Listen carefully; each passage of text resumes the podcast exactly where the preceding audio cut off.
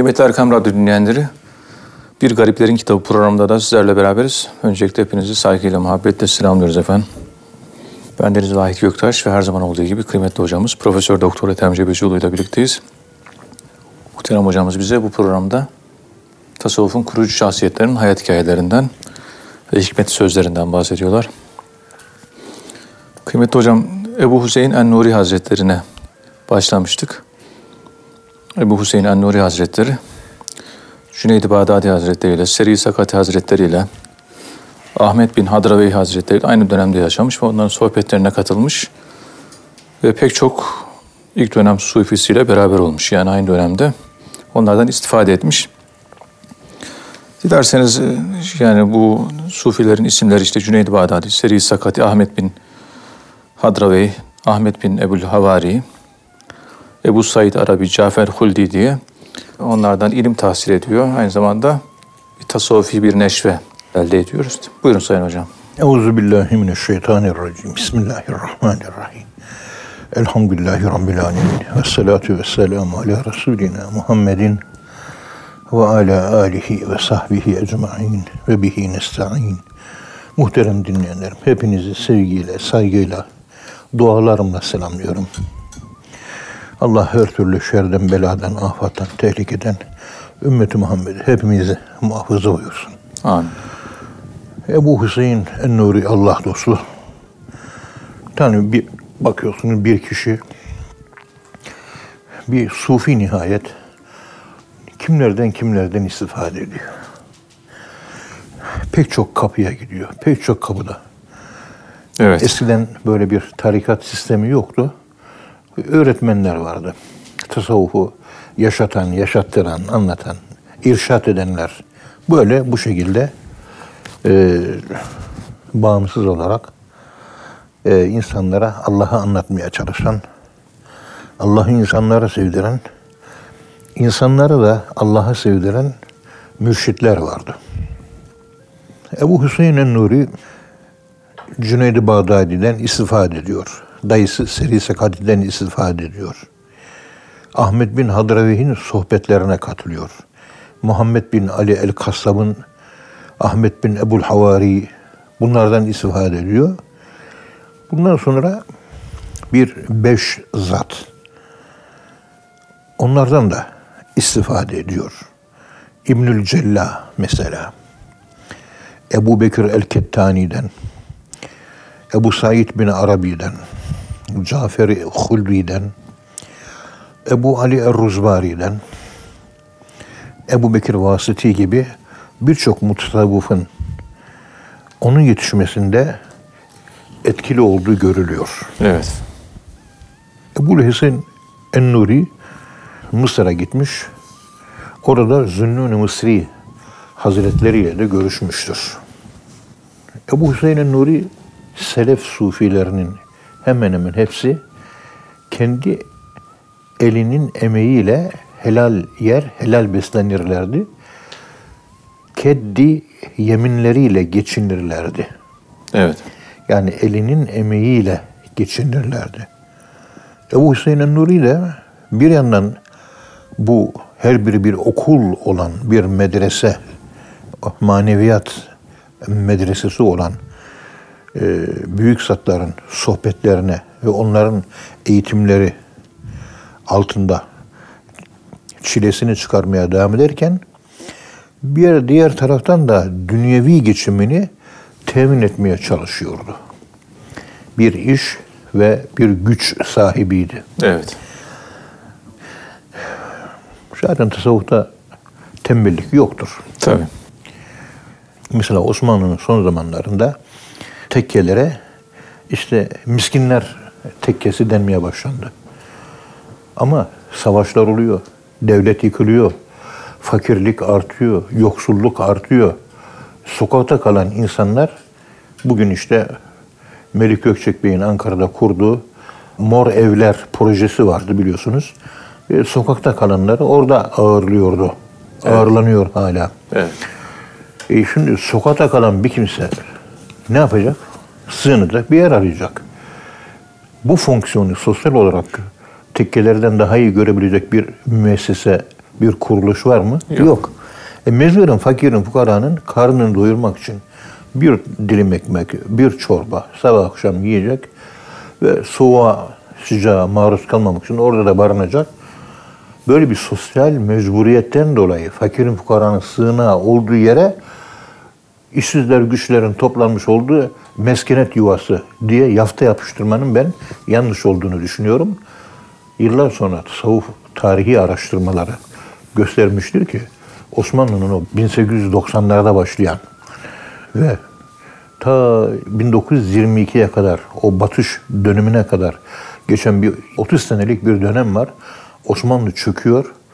İşte başkentte fakirler çoğalmış, yoksullar, savaşlar, işte e, şehitlerin çocukları vesaire. Devlet bir kısmına yetiyor, bir kısmına yetmiyor. Devletin de bir gücü var, bilmem nesi var. Bir STK olarak, sivil toplum örgütü olarak bu gibi teşkilatlar durumdan vazife çıkarıyorlar ve sokakta kalanlara e, yardım ediyorlar, karınlarını doyuruyorlardı. Evet. Ya bu yönden tebrik edilmesi gerekirken fakirleri bünyesinde topladı, meskenet yuvası haline geldi şeklinde bir takım yorumlara gitmenin sakil, ağır ve yanlış kaçacağı kanaatindeyim.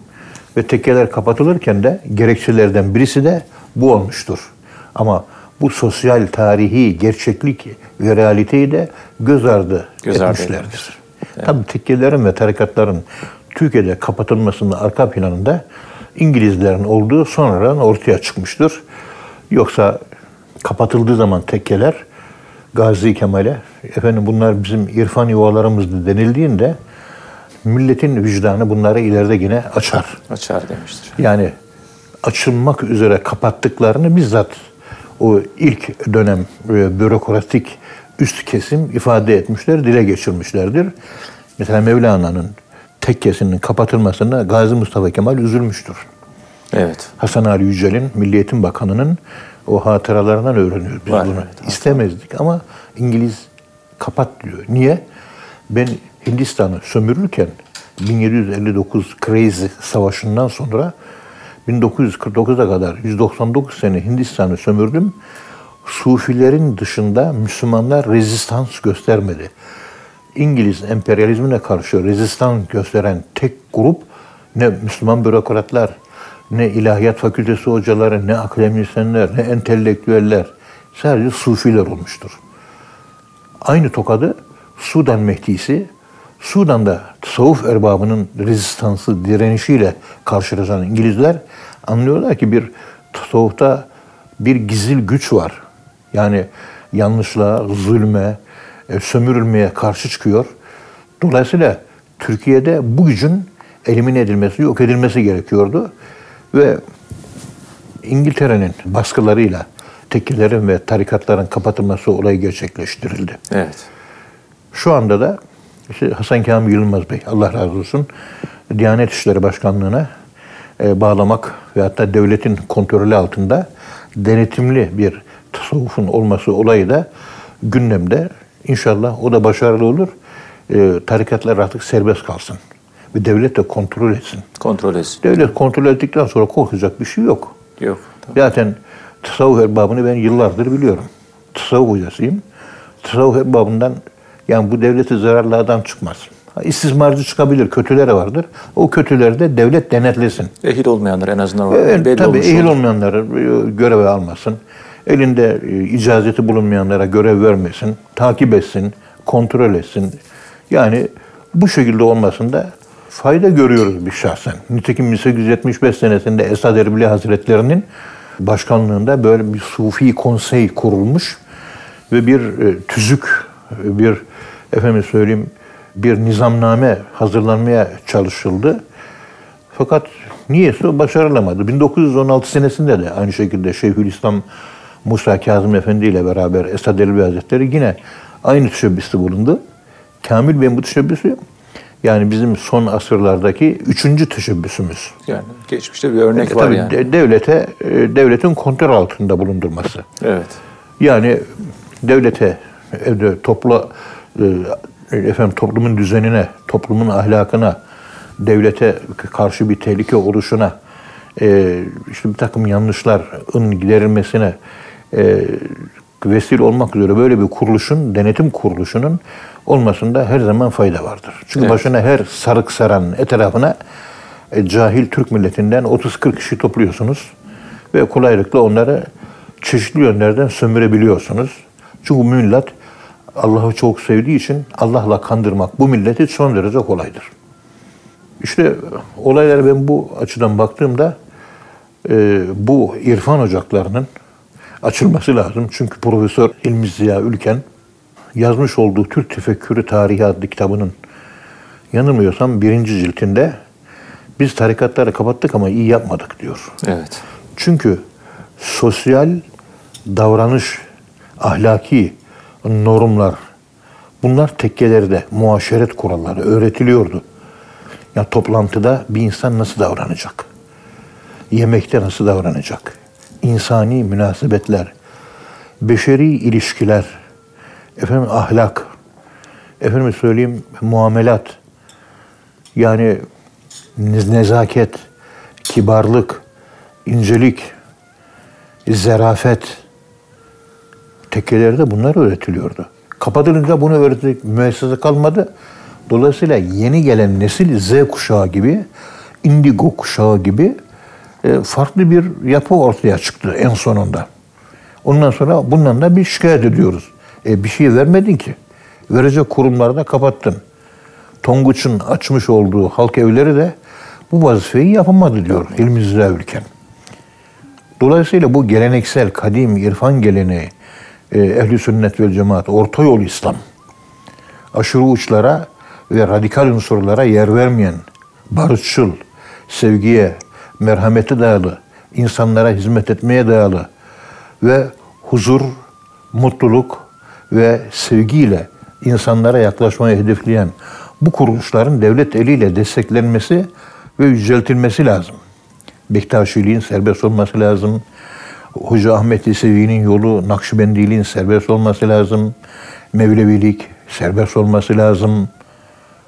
Bu şekilde bunları düşündüğümüz zaman müesseseleşme öncesi Ebu Hüseyin En-Nuri kişilere gidiyor ve tasavvuf bireysel kişilerin elinde uzmanların çevresinde toplanan e, öğrenciler seviyesinde öğretiliyor ve kadim irfan geleneği bir sonraki nesile bu şekilde aktarılıyordu.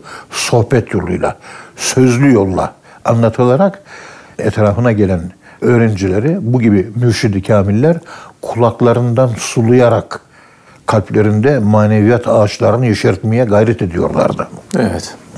Dün de biraz dikkatimi çeken bir husus oldu. Yeri gelmişken de söyleyelim yani. Buyurun hocam. Şimdi hub kelimesi, hub sevgi biliyorsunuz. Hub kelimesinin üzerinde biraz yorum yapmak lazım. Şimdi hub, hap, sevgi. Böyle bir damla suya damlıyor, suya değiyor, bir kabarcık oluşuyor, Evet. yarım küre şeklinde. İşte sevgi bu şekilde yarım küredir, hub ve hatta küreseldir bu. Ve kalbin kabarmasıdır. O suyun kabardığı gibi. Hap kelimesi de arpa anlamına geliyor. Yani arpa. Yani Evet, hap. Araplar hap kelimesiyle arpayı kastediyorlar. Buğday değil. Buğday sümbül. Hap arpa. Şimdi bunu arpayı örnek olarak anlatırken Molla Cami Hazretlerinin bir açıklaması var. Eşi'atül Lemaat adlı Lemaat'ın Fahrettin Iraki'nin Lemaat'ının şerhi. Şerhi. Orada arpa üzerinde duruyor. Şimdi arpayı ekersiniz diyor. Bir aşk arpanın geliştiği, büyüdüğü gibi gelişir, büyür diyor. Ve faydaları da ona göre gelişir, büyür diyor. Toprak altına koyuyorsunuz. Şu buğday, yulaf, arpa falan bunlar toprakta 9 ay kalıyor. Yani biz annemizin karnında ekilmiş bir tohumuz, Evet.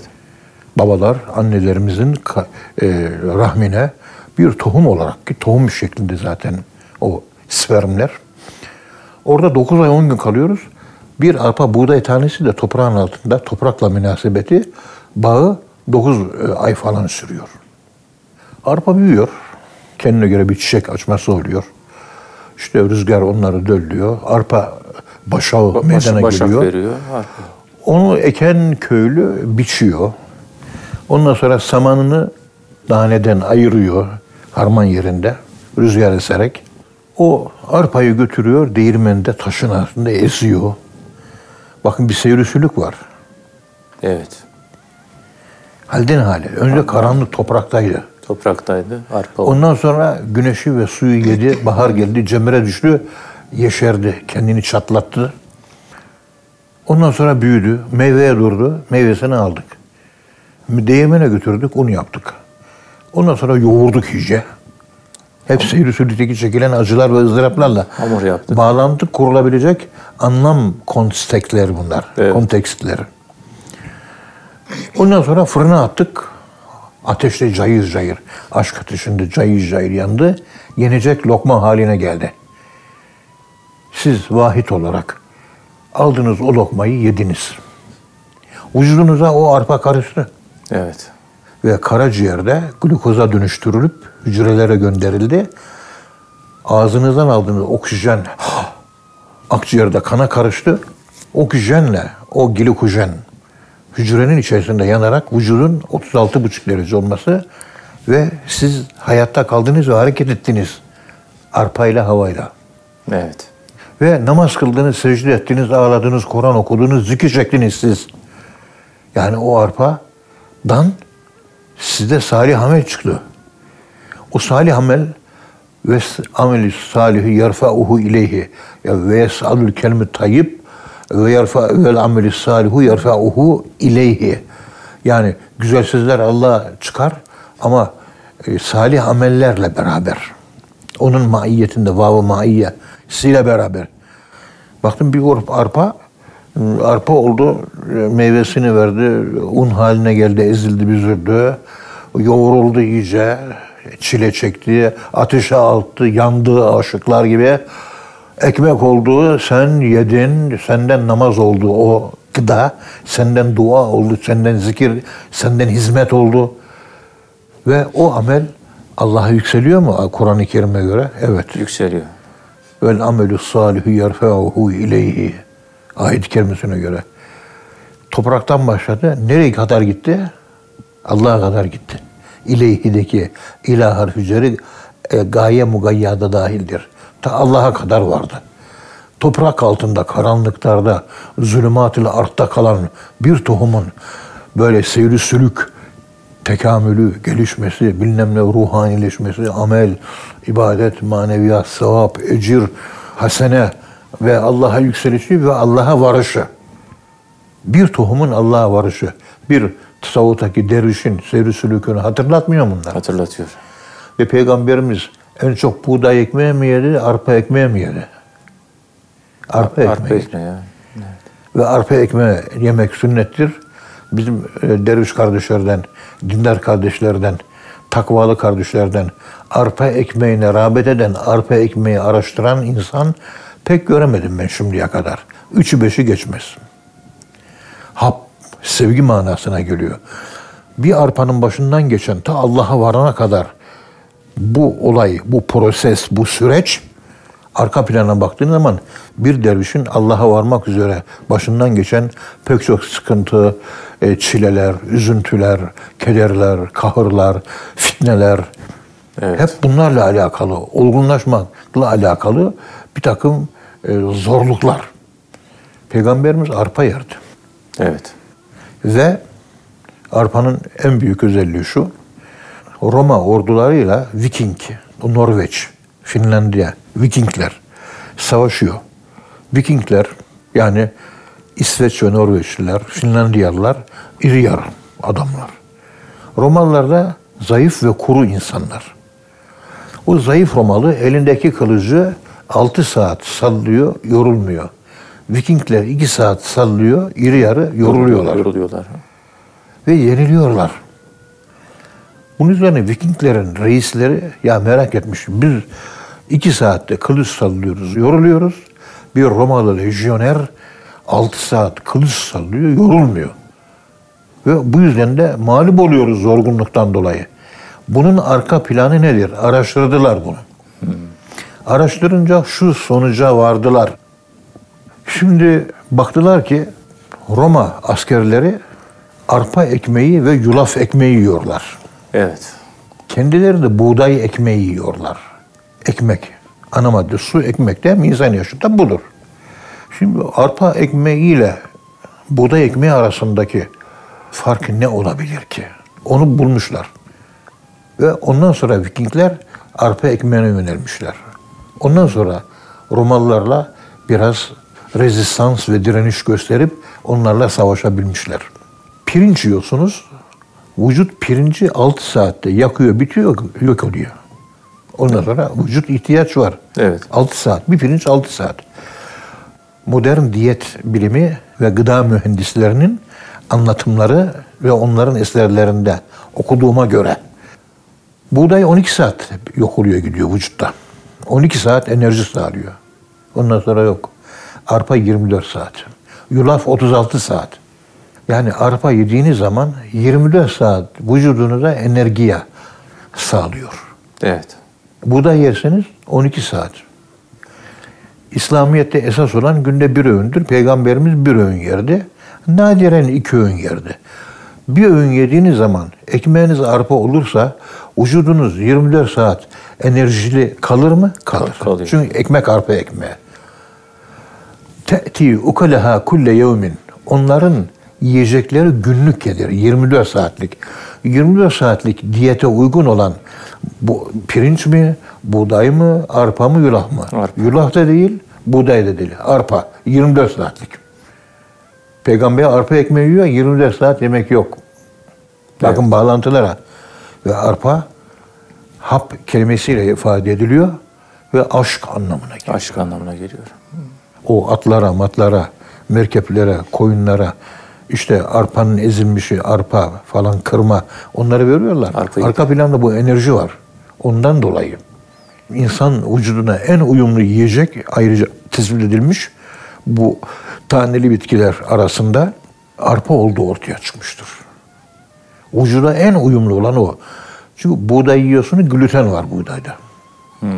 Bazı insanlara glutene karşı vücut zayıflık içerisinde. Bu durum arpada söz konusu değil. Evet. Yulaf da aynı şekilde. Osmanlı ordusu alef yani yulaf ve arpa ekmeği yediriyor. Buğday ekmeği yok Osmanlı ordusunda. Ve dayanıklı. Niye? Geçmişte tecrübe var. O tecrübeye dayanarak. Günde bir öğün yiyeceksiniz, arpa yiyeceksiniz, 24 saat vücudunuza enerji verecek. Ve Kur'an-ı Kerim'e göre de onların yiyecekleri günlük gelir. Yani 24 saatte bir defalık gelir. Ayetin manası esas bu. İşin içinde hikmetler var. Evet. İki öğün yemeğiniz. Fakir 29 yıldan beri, bu sene 9. seneye girdi. Biliyorsunuz benim durumu. Şimdi öğlen yedik burada değil mi? Ha, yarın, bu, bugün akşam yemek yok. Yarın da oruca niyet ederim. Ve hatta yine yemek yiyeceğim, öğlen yiyeceğim. Ama bir öğün. İkinci öğün yok. Yediğim zaman hasta oluyorum. Allah. Ve vücudum diri oluyor günde bir öğün yiyince. İki öğün yiyince hantallık biniyor. Tembellik biniyor. Peygamberimiz sallallahu aleyhi ve sellem Efendimizin evinde ayda bir defa ancak yiyecek pişerdi. Duman bir defa tüterdi. Bakın sevgi, tasavvuftaki hap, hub, muhib, yuhibbune, hubben kelimelerin karşılığı arpa üzerinden bir anlatım ve seyri sülük. Onun yetişimi ve Allah'a çıkışı toprak altından, nefsin karanlıklarından. Bunları çok tefekkür etmek Evet, lazım. evet. E, Molla Cami bunları anlatırken Eşi'atül Lemaat'ta gerçekten takdire şayan bir benzetme ve istiare İstiareyle ile anlatıyor. güzel bir anlatım gerçekleştirmiş. Allah rahmet eylesin. Evet hocam. Allah razı olsun. Çok teşekkür ederiz. Muhterem dinleyenler programın birinci bölümünün sonuna geldik. İkinci bölümde tekrar birlikte olacağız inşallah. Efendim şimdi kısa bir ara. Kıymetli dinleyenler programımızın ikinci bölümünde tekrar birlikteyiz. Muhterem hocamız bize Ebu Hüseyin En-Nuri Hazretleri'nin hayatından ve hikmet sözlerinden bahsediyorlar. Kıymetli hocam Ebu Hüseyin En-Nuri'nin şöyle bir sözü var. Vecd ruhta meydana gelen bir kıvılcımdır. Dille anlatılmaz diyor. Yine hayatının son günlerinde sokakta birinin okuduğu şu sözü duyuyor Ebu Hüseyin en-Nuri. Seni seve seve öyle bir noktaya ulaştım ki akıllılar bu menzile vardıklarında hayrete düşmüşlerdir. Bir veçten bahsediyor, bir de hayretten bahsediyor burada Ebu Hüseyin en-Nuri Hazretlerinin. Dilerseniz bu sözleri izah ederek devam edebiliriz kıymetli hocam. Buyurun Sayın Hocam. Bismillahirrahmanirrahim. Elhamdülillahi Rabbil alemin. Ve salatu ve selamu ala Resulüne Muhammedin ve ala alihi ve sahbihi ecmain ve bihi nesta'in. Biliyorsunuz aşk aklın aydınlanması ve yükselmesidir. Allah'a yaklaşınca akıl dünya ile bağını koparır. Dünyada akıl dünyevi olayları, nesneleri, okumalar yaparken nispetler yani oranlar veya izafetler, bağıntılar, ilişkiler, bağlantılar, relativite üzerinden bir takım böyle e, faaliyetlerde bulunuyor akıl. Yukarı çıktığı zaman akıl bu dünyanın determinizmi, sebep sonuç ilişkileri ve ona göre değerlendirmeler yukarıda yok. Yukarıda aşk var, iman var. Işığı görüyorsun, hayran kalıyorsun. Akıl duruyor. Ruhumuzun bu iki kabiliyeti var. Bu dünyada açılan kabiliyetine fuat kabiliyeti diyoruz. Bu dünyayı yaşayan, hisseden, idare eden, onun normlara, şekillere, kanunlara, şeriata, Kur'an'a bağlıyor. Dünyayı ona göre tanzim ediyor vesaire. Bir de Allah'la beraber olabilme kabiliyeti var. Aynı ruhumuzun iki kabiliyeti. İki zıt opozit kabiliyeti. Seküler kabiliyeti de var. Ruhun dünyaya uyumla alakalı yönü. Bir yandan da diviniter yönü de var. Yani nominal yönü. Reel yönü var, nominal yönü var. Bu realistik yönün karşındaki idealistik yön insanda aşkla, aklın dünyadaki gibi çalışamayacağı için Allah'a giderken Evet. durması ve duraklaması söz konusu. İman aklın durduğu yerdir. Eğer akıl iman konularına akıl erseydi ona ilim derdik. Aklın üretimi. Bu, bu yüzden dolayı aşkla bilmek diye bir kavram var. Ona irfan denilir. İrfan. Yukarı çıktıkça ilim irfanlaşır. Ve irfanın bilgisi Allah'tan gelir, doğrudandır. İlim sebeplerle elde edilir. Sorularla. Sebep sonuç illiyeti, determinizm sınırları ve kuralları içerisinde o sünnetullah olarak bu kainat olan determinizm ilmi üretir. Logosu üretir. Aklı üretir, çoğaltır. Ama yukarı çıkınca bunların hiçbiri kalmaz. Yukarıda böyle bir determinizm yok. Yok. Bir tek Allah var. O kadar. Ve akıl da la tudrikuhul ebsar akıl Allah'ı kuşatamayacak kadar küçüktür. Ve huve yudrikul ebsar akılları Allah idrak eder, idrak kuşatır. eder, ha. İdrakler Allah'ı kuşatamaz. Transandantal, aşkın ve müteal bir varlıktır. Bu şekilde Allah'a yönelen bir akıl Allah'ı bulmuştur. Bulduğu andan itibaren akıl koan etkisi dediğimiz şaşkınlık, astonishment diyor İngilizler buna. Şaşırma, hayret. Orada akıl kayboluyor. Var akıl ama yani uykuya çekiliyor. Yani örtülüyor.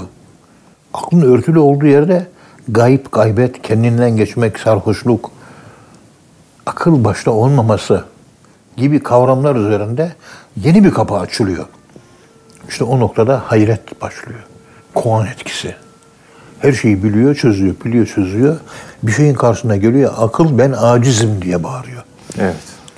Hayret oradan sonra başlıyor. Duruyor akıl. Donup kalmak. Aklın donup kaldığı yer. Dondum kaldım anlayamadım diyor. Bu nasıl olay ya diyor. Bu nasıl olur diyor. Sokakta karısına 60 defa bıçak soktu çıkarttı diyor. 60 kere bıçakladı diyor. Etrafındakiler de yardıma koşmadı. Zavallı kadın orada kan kaybından parça parça oldu ve öldü diyor. İzah getiremedim ben buna diyor. İşte aklın kilitlenip izah edemediği, kala kaldığı her olayda bu hayret makamı vardır.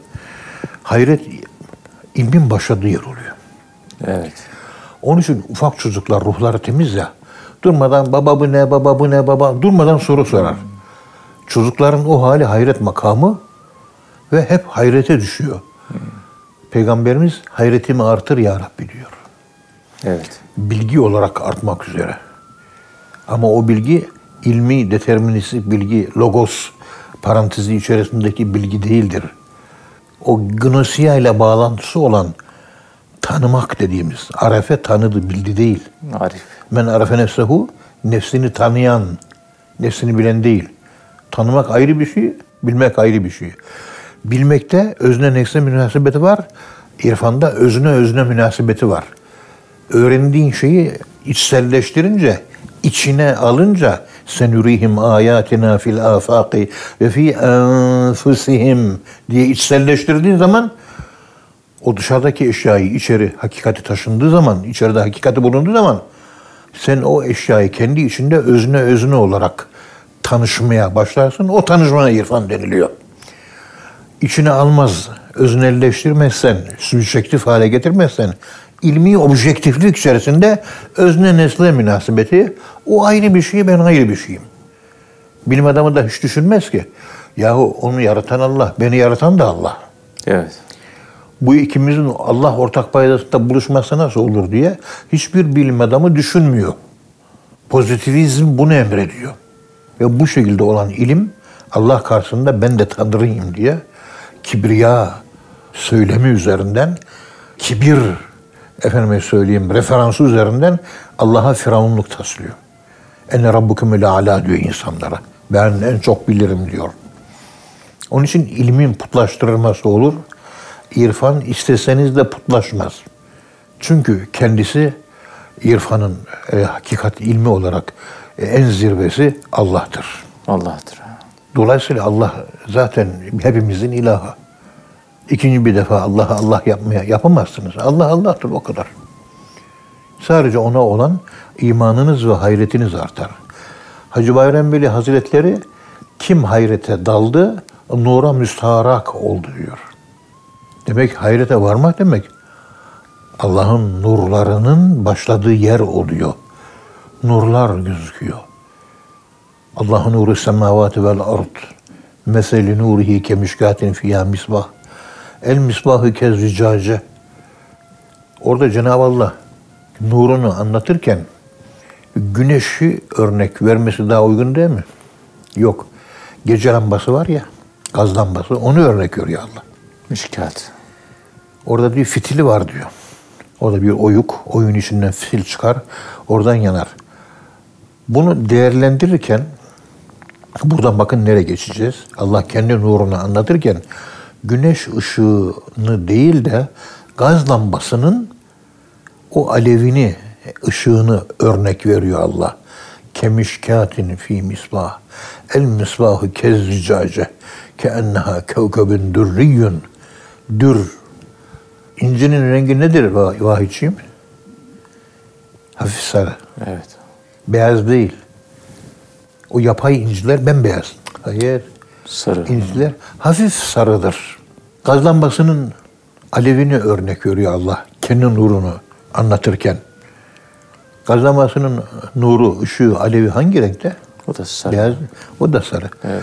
Biz kalp, ruh, sır, hafi, ahfa diye beş tane ders çekiyoruz değil mi? Derviş olarak. Kalbin bir kozmik rengi var. Nedir? Sarı. O da sarı. Beyaz değil. Beyaz, Hz. Musa'nın kademinin izin olduğu sır dersi beyazdır. Hafi, siyah Hz. İsa'nın kademinin olduğu yer. Peygamberimiz kademin olduğu yer, göğsünün iman tahtasının ortası yeşildir. Hz. Nuh veya İbrahim'le alakalı ruh latifesi ise kırmızıdır. Kalp sarıdır.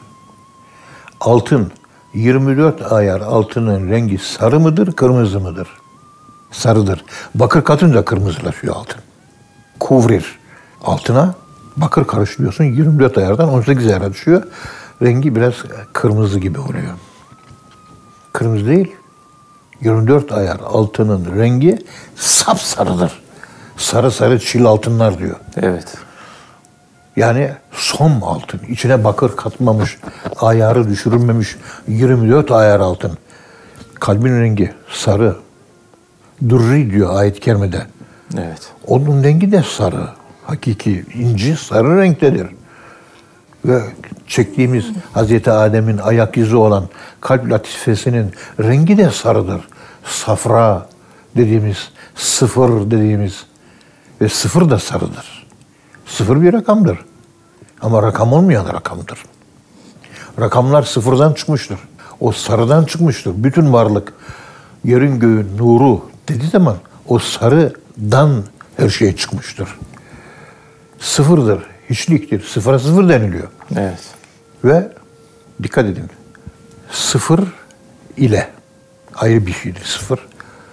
İnsanlık sıfırı sonradan keşfetmiştir. Sıfır başta insanlar pek yok. Çin'de var. Bir de İslam matematikçileri keşfetmiştir sıfırı. Medeniyet sıfırla başlar.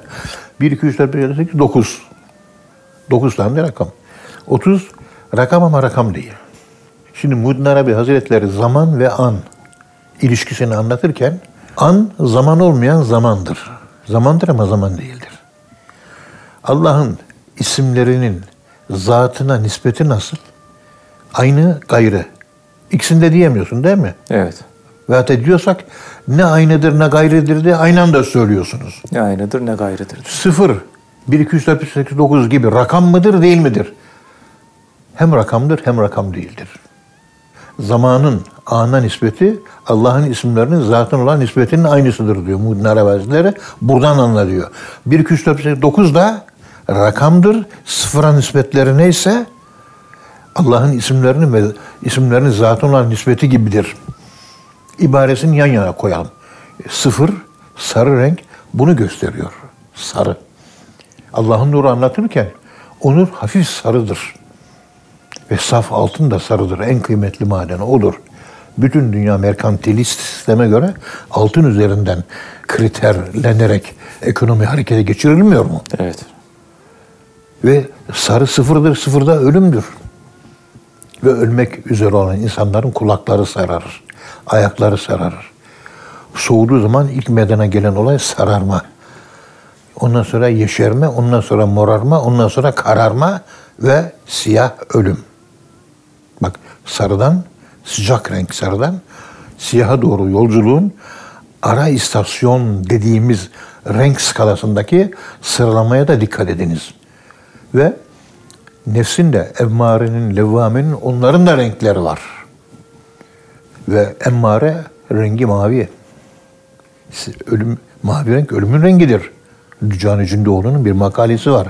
Ölümün rengi mavidir diyor. Haçlılar Anadolu'ya geldiği zaman maviyi keşfettiler.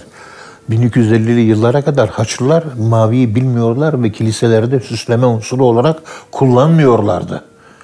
Anadolu'da bizden patlıcan morunu, turkuaz mavisini, indigo mavisini bizden öğrendiler. Ondan sonra Hristiyan dünyası hareketlendi. Çünkü mavi ölümün rengi. Gökyüzü mavi. Ölümde huzur var. Onun için gökyüzü mavi yaratıldı. Uzaydan uzay gemisi dünyanın fotoğrafını çektiği zaman dörtte üçü su olduğu için dünyanın mavi gözüküyor. Yani Allah bu dünyada huzur istediği için gökyüzünü mavi ve deniz mavi yarattı. Ey insanlar huzurlu olun. Ey insanlar ölümlüsünüz. Sizin renginiz mavi. Mavi ölümün rengidir. İşte bir sıfır karşısında Allah'ın nurunun efendim söyleyeyim bir kandil, efendimizin bir kalp latifesindeki zil çekmek bakın bizi nerelere kadar götürdü. Evet. Safer ayı da sıfırdır. Onun için Safer ayından çekinirler şöyle bir. Safer ayı, onun için Saferul Hayır demiştir. Halbuki zamanda uğursuzluk yoktur. Yoktur. Ama Safer, Safer niye Safer denmiş? Ölüm ayı. Sıfır, safra, sarı, kalbin rengi, sararma, sonbahar. Yapraklar sararıyor. Ondan sonra kahverengi, ondan sonra yere düşüyor. İşte burada vecdte elde edilen Ebu Hüseyin en-Nuri'nin Hazretlerinin vecd halinde elde edilen hayretin açılımı bakın bir sıfır üzerinden, Allah'ın nuru üzerinden açıklamaya girdiğimiz zaman karşımıza neler çıkıyor, neler çıkıyor. O rakamların tarihi e, diye George Ifrah tarafından yazılmış beş ciltlik rakamların tarihi adlı kitabın birinci cildinde sıfırın tarihini anlatıyor. Sıfırın tarihini anlatırken zaman zaman kendimi bir tasavvuf kitabı okuyormuş gibi hissediyorum. Bu konuştuğum eser TÜBİTAK yayınlarında yayınlandı. 30 sene önce almışım bu kitabı. Rakamların tarihi George İfrah. Adı George ama İfrah. İfrah da Arapça şey Lübnan kökenli Lübnan, Amerikalı bir yazar. Evet. Rakamların tarihi TÜBİTAK o zamanlar 1980'lerde 90'larda falan bu kitabı yayınladı. Orada sıfır tabii beni alakadar ettiği için ölümle alakalı olduğu için okumak zorunda kaldım. Tasavvufta bir ölümün anlatımı, yokluk, adem gibi kavramların anlatımına yakın anlatımlar var orada. Demek rakamların da felsefesi var. Cinler rakamlarla konuşur, melekler harflerle konuşur. Evet. Bu da ayrı bir konu. O da ayrı bir konu. Onun için Elif Lam Mim diyor. 1 2 3 4 demiyor Kur'an'da. Yani 1 2 3 4 rakamlarla geometri cinlerle alakalı. Daire ve efendim söyleyeyim az önce ifade ettiğim harfler de meleklerle alakalı. Meleklerle. Bir vakit olursa buradaki sırları da gerçi anlatılan şeye sır denir mi? İncelikleri de İncelik. diyelim inşallah. Bir vakit olursa onları da anlatalım. Ee, Biraz konu derinleşiyor. Acaba anlatabilir miyim endişesi de var. Anlaşılması zor, anlatması da zor konular. Allah anlamayı ve anlatabilmeyi nasip eylesin. Amin. Allah razı olsun hocam. Ağzınıza sağlık. Muhterem dinleyenler hocamıza çok teşekkür ediyoruz. Efendim bir programın daha sonuna geldik. Bir sonraki programda buluşuncaya dek hepinizi Allah'a emanet ediyoruz. Hoşçakalın efendim.